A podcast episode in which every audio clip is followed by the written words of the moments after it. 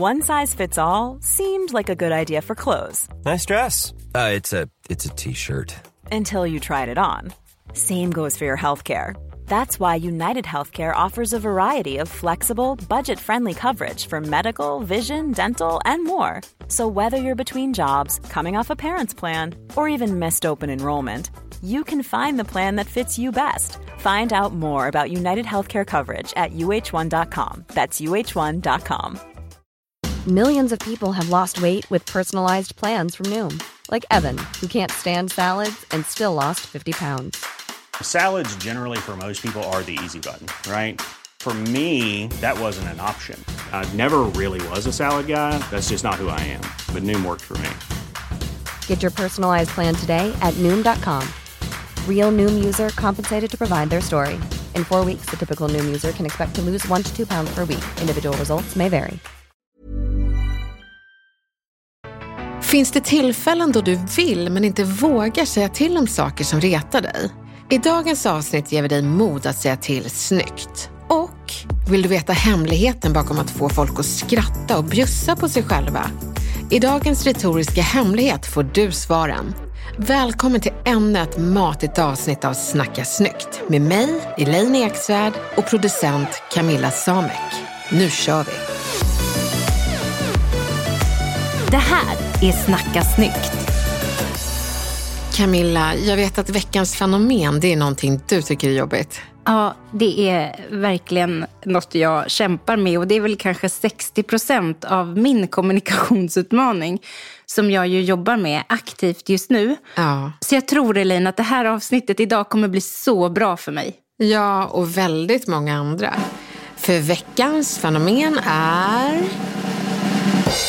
konsten att säga till på ett snyggt sätt. Varför är det så himla svårt, Elaine? Men det är ju för att vi svenskar är så otroligt konflikträdda. Men ja, jag kan liksom inte upprepa det nog att konflikter handlar inte om att bråka utan om att lösa saker. Och det här är inte ens en konflikt. Det handlar bara om att flagga lite för att, hör du, nu, nu gick det lite fel här. Och bara för att gå in på sådana situationer Camilla, så finns det ju många tillfällen då vi vill, men kanske inte vågar säga till folk som faktiskt irriterar oss av olika skäl. Det kan ju vara den där grannen som spelar för hög musik eller borrar. Kollegan som pratar för högt i telefonen på luren. Så pass högt att du hör inte dina egna tankar. Eller partnern som snarkar. Fast den Camilla, den känner jag att du nog skulle våga dig på. Ja, men den, den har jag jobbat med så flitigt här hemma så den är, den är jag proffs på nu i det här laget. Vad gör du då? Nej, men jag buffar lite snällt på honom och så säger jag att nej, men nu snarkar du sådär mycket igen. Och då har, har han är så van vid det nu så att han antingen så lägger han sig på mage eller liksom byter ställning mm. och säger sorry älskling, det är inte meningen. Eller så går han ut och lägger sig på soffan. Så att det, det är verkligen inga problem längre. Nej, och jag tänker att precis alla tillfällen där man faktiskt skulle behöva säga till att det inte blir några problem utan det känns lika enkelt som att buffa på partnern lite. Um, och varför det är enkelt är ju för att du har gjort det så många gånger. Men Camilla, jag måste bara fråga, väntar du ett gäng snarkningar eller säger du till direkt? För liksom, hur länge man väntar spelar ganska stor roll för hur retorisk man blir. Jag gör det nog inte direkt, utan jag tänker om jag vaknar av det så låter jag det nog ändå gå en liten stund för att se om det är något som är övergående eller om det är något som hänger kvar. Och hänger det kvar så inser jag ju att det kommer bli väldigt svårt att sova i det här. Mm. Och då gör jag någonting åt det. Men om det bara är att jag har råkat vakna till och att det är en snark eller två och sen är det lugnt. Då, då gör jag ju inget. Nej. Vi ska komma tillbaka till snarkningarna för jag tycker att det är en ganska bra metafor eller ett bra exempel för att mäta när man ska säga till. Men det finns många lägen där man faktiskt skulle må bra av att säga till. Men just för att det är obehagligt så låter du bli. För tänk om man skulle bli arg eller ännu värre göra personer man säger till arg. Så hur gör man då för att samla mod för att säga till? Samla inte irritation utan säg till direkt.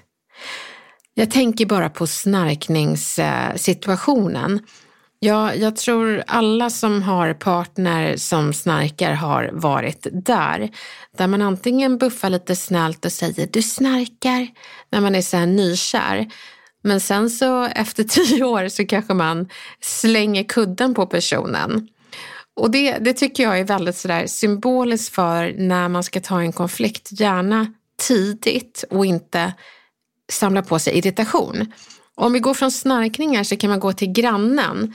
Du sitter där och hör hur grannen spelar hög musik och det är första gången. Så då kan ju du känna kanske att det, herregud, det är bara en engångsföreteelse, jag säger ingenting. Andra gången det händer så blir du förmodligen lite mer irriterad och tittar argt mot dörren. Och så tredje gången så rycker du upp din dörr och springer upp till grannens dörr och bankar på den. Och sen när dörren öppnas så är det på ditt minst retoriska sätt som du utbrister Sänk musiken. Och där står grannen, lite snopen och undrar varför du är så hysterisk. Då svarar du, för att det är tredje gången som du har dunka-dunka disco här. Och då kan grannen svara, jaha, varför sa du ingenting första gången? Och det är en bra fråga. Varför säger vi inte till första gången? Jo, för då hade grannen säkert sagt att det var ju en engångsföreteelse. Ja, så kan man tänka. Men då ska du svara, ja, jag vet att det var en engångsföreteelse, men du, jag säger bara till för säkerhets skull för att det inte ska bli en tvågångsföreteelse. Så det är bra att tänka att du ska inte samla irritation utan säga till direkt. Och skulle grannen säga engångsföreteelse så säger du bara snällt, jag vet. Jag säger bara till så att det inte blir en tvågångsföreteelse. Men jag tänker det att när du hör musiken första gången så är det en transportsträcka. Du ska inte rycka upp dörren och springa upp till grannen utan gå lite lugnt, knacka fint på dörren och le när grannen öppnar. Presentera ditt namn, för det glömde ju vi när vi var så här arga. Säg var du bor någonstans. Och sen ger du lite beröm. Du säger, du ni spelar jättefin musik, men jag skulle vara så glad om ni kan sänka några snäpp. Och så ler du i slutet också. Då har du gett beröm för musiksmaken, men också varit lugn, för du sa ju till första gången missödet skedde. Och sen avslutar du med ett leende. Skyll på dig själv. När du själv erkänner att även du gör misstag så brukar folk vara benägna att själva krypa till korset. Det blir inte att du sitter på dina höga hästar och ser ner på folk som om de vore mindre vetande, utan du blir istället en ödmjuk person som berättar att du själv gör fel ibland. Som när det är någon som pratar högt i telefonen med båda lurarna i. Jag hade en sån person framför mig på tåget häromdagen och jag hade inte riktigt hjärta att säga till henne för hon verkade vara fullt medveten om att hon var högljudd. Men hon visste inte att det var för att hon hade båda hörlurarna i öronen. Har man bara en hörlur i så kan man ju hålla en rimlig och hänsynsfull ljudnivå för att man hör de som pratar i sig mötet och man hör även sin egen röst i sammanhanget. Dubbelt så bra. Men varför sa du ingenting då? Därför Camilla, jag är raka motsatsen mot dig. Jag har ju inga problem att säga till. Jag säger till för mycket och får nästan lite kickar av det.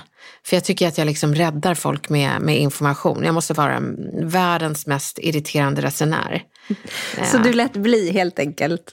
Ja, jag lät bli. Men jag tror att de flesta av våra lyssnare fortfarande samlar mod till att säga till. Så jag tänker till er har jag den här meningen som grundar sig på skyll på dig själv-metoden. Säg, jag gjorde det här jättemycket förut. Men så hjälpte en hjälte mig att justera det hela och nu försöker jag vara den hjälten åt dig. Om du tar ut en av dina hörlurar så får du en anpassad ljudnivå till rummet. Nu tror jag att folk hör lite mer än vad du vill. Hade du vågat göra det här Camilla? Ja men alltså den är ju rätt snäll. Och det kanske är just det att man skyller på sig själv som gör att det blir lite mildare. Jag tror det. Du pekar inte på någon utan du pekar på dig själv först. Och sen visar du liksom upp din hand för att säga jag kan hjälpa dig. Eh, inte högfärdigt utan medmänskligt. Men jag tänker ändå så här Elin att eh, hade det varit jag som hade suttit på det där tåget så hade jag ju säkert bara kanske stört mig lite men låtit henne pågå. Ja. Därför att det är lättare för mig att låta henne prata högt och att jag stör mig lite grann än alternativet att gå fram och faktiskt säga någonting. Så jag tror också att ska man bli bättre på det här så måste man ju också utmana sig i olika situationer. Och det är ju lite det jag håller på med just nu i livet, i den här kommunikationsutmaningen som jag nu ändå vill komma framåt i. Så jag vill bara säga det att alla som känner igen sig i mig och tänker att nej men herregud, jag hade väl bara låtit henne sitta där och prata lite högt och sen inte gjort något mer. Vill man bli bättre så har Elaine lärt mig att då måste man öva på det som man är dålig på. Annars blir man liksom inte bättre. Och det blir aldrig så obekvämt som den första gången. Men så bra att du säger det Camilla, för det är så himla viktigt att träna på det där obehagliga som man undviker att göra. Det enda sättet att bli bättre är att utsätta sig för det. Och grejen är den att om det går sådär halvbra första gången du testar så är inte det ett misslyckande. Du ska alltid fira att du försökte. Det är det första steget. Andra steget är att fira att du gjorde det och gjorde det tio gånger bättre än första gången. Och så fortsätter firandet för all framtid. Nu till nästa tips. Du menar inget illa. När det inte går att skylla på sig själv utan man faktiskt känner sig obekväm med att kompisen pratar så mycket om vad hen stör sig på hos andra. Där kan man alltid hävda att ens kompis inte menar något illa, men att det inte känns bra när hon pratar om folk istället för till folk. Då kan du säga, jag vet att du vill vädra dina relationer med andra och jag tycker det är fine när det är folk jag inte känner. Men när du pratar om gemensamma vänner som du har problem med så blir jag osäker på vår vänskap och om du pratar så om mig. Jag skulle verkligen uppskatta om du pratar till våra vänner istället för om dem. Det är ju det vänskap är, den där tilliten. Och skulle man ta det här, som ju är en ganska komplex situation med en vänskap som, som ligger till grunden, men om vi tar det till vardagen, så kan det vara att den här äh, personen som sitter med två hörlurar, att man säger det, du för det första, jag vet att du inte är medveten om det, att du inte menar något illa, men, men det hörs ganska mycket. En sån grej. Så att eh, du menar ingenting illa-metoden, det är för dem med dålig självkänsla och då undviker man också att det ska bli en affekt eller en konflikt. Du har redan sagt att du vet att personen inte menar något illa, men du vill ändå berätta vad som har landat lite illa eller blivit lite fel. Och det är en väldigt användbar variant som jag tycker du ska ha i bakfickan. Sista tipset. Säg att du vill väl och att du vill hjälpa till. För de med dålig självkänsla kan feedback och tillsägelser kännas som dolkar i självförtroendet. Gör det till ett värmande täcke, bara genom att säga att du menar och vill väl när du säger det. En sån start är alltid fin. Och i hörlurssituationen så kan det också vara fint att säga du, jag vill bara hjälpa dig för jag tror inte du är medveten om det. Men det hörs rätt mycket när du pratar. Sammanfattningsvis så har du nu fyra varianter som du kan använda när du ska säga till. Och det viktigaste är ju att säga till direkt, för då är du som mest retorisk. Då samlar du inte på dig en massa snarkningar och kastar kudden i ansiktet på partnern, utan du kan buffa på dem lite vänligt som Camilla gjorde. Sen har du skyll på dig själv-metoden som är att undvika de höga hästarna och peka på folk och istället vara medmänsklig och berätta att jag gjorde sådana fel, jag också. Du menar ingenting illa. Det är att hylla intentionen att personen inte menar något illa men sen sänka retoriken eller det de har gjort. Då skiljer du person som du tycker är bra från sak som kan bli bättre. Och sen allra sist, berätta att du menar väl. Det blir en ganska sympatisk kombination om man lyckas använda alla fyra, men det behövs inte. Det viktigaste är att det känns harmlöst och omtänksamt. Om du förstår att du är harmlös och du är omtänksam när du ger feedback och säger till, då kommer det landa så. Målet är ju som alltid med feedback att personen du säger till känner din omtanke och säger tack. Och säger personen tack så skickas en mental guldstjärna hela vägen från Snacka snyggt-podden till dig, för då har du lyckats säga till snyggt.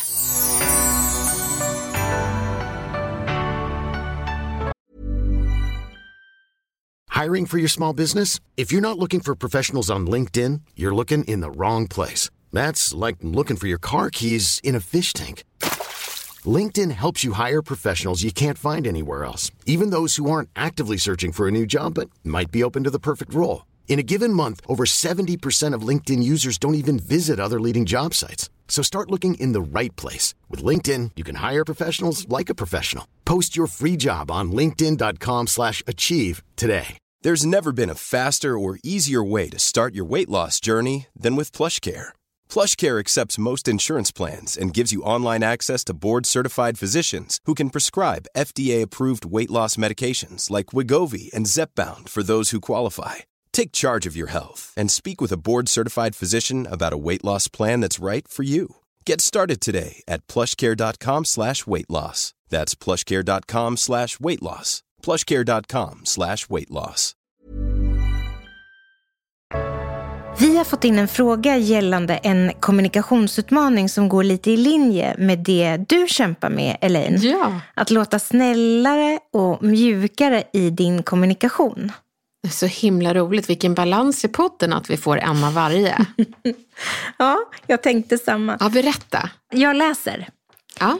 Hej på er! Elaine, du berättade i podden att du tränar på att bli mer mjuk i dina svar och jag har exakt samma dilemma. Jag måste lära mig att få svaren att låta mjukare. Och jag tycker att jag formulerar bra svar i huvudet. Men sen när jag säger det eller skriver det så kan det låta rätt direkt och rakt på ändå. Så jag lyckas inte riktigt. Har du några förslag till hur man kan träna på att bli mer ödmjuk i sina svar? Ha en underbar dag! Med vänliga hälsningar, Li. Gud vilken bra fråga. Och du har ju rätt Camilla, det är något jag både kämpar med men faktiskt, om man får självskryta lite så har jag faktiskt blivit mycket bättre på det på senaste. Men vad är det som har gjort att du har blivit bättre på det här då? Ja, men jag har faktiskt nystat i det och det är faktiskt några saker som har gjort att jag har blivit eh, mjukare i min feedback. Och um, det är ju inte tack vare mig själv utan det är tack vare andra. Jag har faktiskt eh, lyckats fråga dem som jag har gett feedback eh, och märkt att gud, nu landar det här fel. Då har jag ställt frågan, vad, vad kunde jag gjort bättre? Det här, det här landade inte så bra. Och vet du, då fick jag sån himla värdefull information som jag tänker att jag ska ge till dig, Li. Och ett svar jag fick, det var att tajmingen var fel. Att jag precis när de till exempel hade testat någonting för första gången gav en massa tips på förbättringspotential istället för att ge dem beröm för att de vågade. Alla har en individuell timing och det gäller bara att hitta rätt. Man kanske inte ska säga till när personen har en dålig dag, ser trött ut, stressad ut eller ja, man behöver bara tänka på rätt timing och vad det är, det beror på. Det kan också vara formen för hur jag svarar som kan landa fel. Säg att en kollega ställt mig en fråga på jobbet när vi har stått vid kaffemaskinen. Sen så på eftermiddagen så skickar jag ett svar på sms och väldigt kort. Och jag har fått feedback från mina kollegor att jag kan låta väldigt hård och arg på sms eller mail. Så att de hade mycket hellre önskat att jag följde upp med ett samtal där de hörde min röst, ton och det icke-verbala istället för ett kort effektivt sms. Så man behöver tänka på formen för hur man ger svar. Så Li funderar på, ska jag ge svar i sms, mail, eh, telefonsamtal eller kanske boka in ett möte? Tänk på formen. En fin sak när man pratar med folk och märker att nej men gud, nu, nu verkar det som att det här landade lite hårt. Det är att man frågar hur det man sa landade. Jag har märkt att väldigt omtänksamma personer brukar fråga hur det de sa landade. Jag tycker det är en väldigt fin rutin att ha och jag försöker härma den efter bästa förmåga. Så kanske någon timme efter jag gett någon information över vad som behöver göras eller någonting jag tycker så eh, dubbelkollar jag, tittar förbi och så frågar jag, du, hur landade det där jag sa tidigare? Då har du chans att reparera det som kanske landade hårt. Så min väg till att bli mjuk har varit att reka timing, även kolla över formen för kommunikationen och alltid ha som rutin att fråga lite senare hur det jag sa landade. Och Li, du sa att du övar på vad du ska säga i huvudet. Den är bra. Men öva även muntligt på hur du ska säga någonting. Och sen kan du också fråga, en så kallad mjuk vän till dig, vad hen tycker att din retorik behöver jobba på. Du kan testa och säga det att jag fick den här frågan av en kollega, kan jag svara så här eller blir det för hårt? Reka med en kompis som har en mjuk retorik. Då har du din bästa retorikexpert i mjuk kommunikation. Någon som behärskar det helt enkelt. Så reka timing, form och landning av det du säger och kolla med en mjuk retorikkompis och då kommer din kommunikation gå från hård till just mjuk. Lycka till! Hello, Victoria. Hello, Ellen. It's so good to see you, and uh, you look fabulous as always. And Thank you. I just love your clothes. Portia loves your clothes, and congratulations, you're just killing it in the in the fashion world. Thank you so much. Yeah, the stuff That's is so great. kind. Thank you, and thank you for having me. I'm so excited to be back. Um, so, uh, how's David? First of all, is he is he still handsome? He's still he's still very handsome. Okay, all right. He's he's still good. All right, just wanted to check. Um, I saw a video of the, yeah, there he is. He's, Alltså jag är så pepp för dagens retoriska hemligheter. För hon har i över två decennier varit konversationsmästarnas mästare. Hon vet hur man får precis alla att vilja prata. Men inte bara det. Hon lyckas även skämta med folk och få gäster att skratta åt sig själva. Och jag pratar om ingen mindre än Ellen DeGeneres som sänder sin sista säsong av sin omåttligt populära talkshow, The Ellen Show. And today I have an announcement to make. Today I am announcing that next season, season 19, is going to be my last season.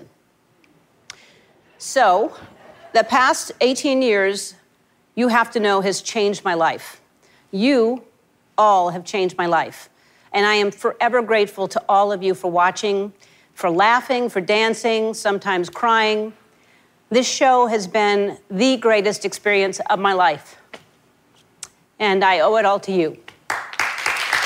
So, thank you, thank you, thank you, thank you. Det hon gör som jag tycker är så himla skickligt är att innan hon går på gästen med skämt så skämtar hon om sig själv. Hon liksom bjussar på skavanker och egenheter som gör att gästen kan skratta åt henne. Och det är inte förrän gästen har fått skratta lite åt Ellen som hon börjar vända på steken. Och då kommer skratten aldrig åt utan med gästen. Som när Beyoncé lanserar sitt album Beyoncé och baksidan är hennes alter ego I am Sasha Fierce. Då säger Ellen att hon också har ett alter ego. Bruce. Hon knyter, hon knyter in sig själv i skämten där hon dessutom skämtar om kändisen på samma gång.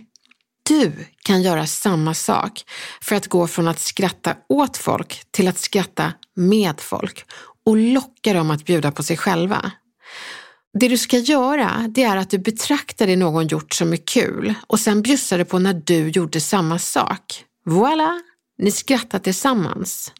Så vad är det Ellen DeGeneres gör som du kan göra för att bli en Ellen i din vardag? Jag ska bena upp det åt dig. Hon hittar gemensamma skavanker som ni kan skratta åt tillsammans. Hon bjuder på sina skavanker först för att se om du nickar igenkännande och då kan hon spinna vidare. Hon är intresserad av den hon pratar med men hakar faktiskt på när hon känner igen sig i något som personen berättar. Så hon kör lite jag med metoden. Då ökar benägenheten att den andra ska våga berätta ännu mer om sig själv, särskilt när Ellen säger jag är som du. Motsvarigheten till Ellen är ju en tyst journalist som lyssnar utan att nicka igenkännande. Den journalisten vill inte du vara. Du vill vara Ellen. Hon har en fin balans mellan beröm av sina gäster och skratta med sina gäster. Så i takt med att skämten haglar så haglar också superlativen av hur bra gästen är. Så den balansen behöver man alltid ha så att det inte blir att man hoppar på gästen utan skämtar med gästen och berömmer gästen utan att berömma sig själv såklart. Nu är det inte så att du sitter med en egen talkshow, men det kan ju vara så att du sitter på ett jobbmöte och du kanske bara vill bjuda på dina skavanker och berätta när någonting gick fel. Då kan det vara någon, säg en kund som säger, ja ah, men jag gjorde också det där kardinalfelet. Då kan du spinna vidare på det, precis som Ellen gjorde och säga, ja men då är ju du och jag båda lite klumpiga och har inte koll på läget. Och så skrattar ni åt varandra tillsammans. Men det är viktigt att du inte pekar på kundens skavanker utan att du eh, bjuder på dina skavanker först och ser om kunden kanske nickar igenkännande. Då kan du fråga, känner du igen dig i mina skavanker? Och där kan ni spinna vidare. Och sen är det också väldigt bra att köra jag med-metoden. Att du faktiskt visar att Nej, men det där känner jag också igen, jag är också som du. Vi gillar ju folk som är som oss själva. Visa att du inte är från en annan planet utan visa att du är mänsklig, precis som den du pratar med. Och sen superlativen och beröm. Vem kan motstå en person som bara haglar beröm och superlativ? Bjussa på det. Men krysta inte fram dem utan Why don't more infant formula companies use organic, grass-fed whole milk instead of skim? Why don't more infant formula companies use the latest breast milk science? Why don't more infant formula companies run their own clinical trials? Why don't more infant formula companies use more of the proteins found in breast milk? Why don't more infant formula companies have their own factories instead of outsourcing their manufacturing? We wondered the same thing. So we made ByHeart, a better formula for formula. Learn more at byheart.com. Acast anbefaler.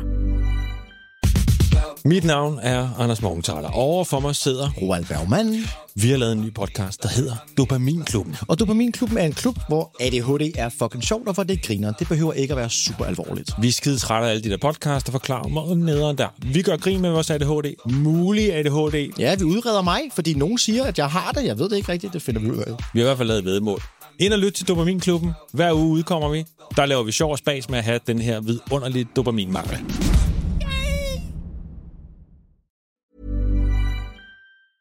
Tänker du positivt om en person, berätta det. Det är inte svårare än så.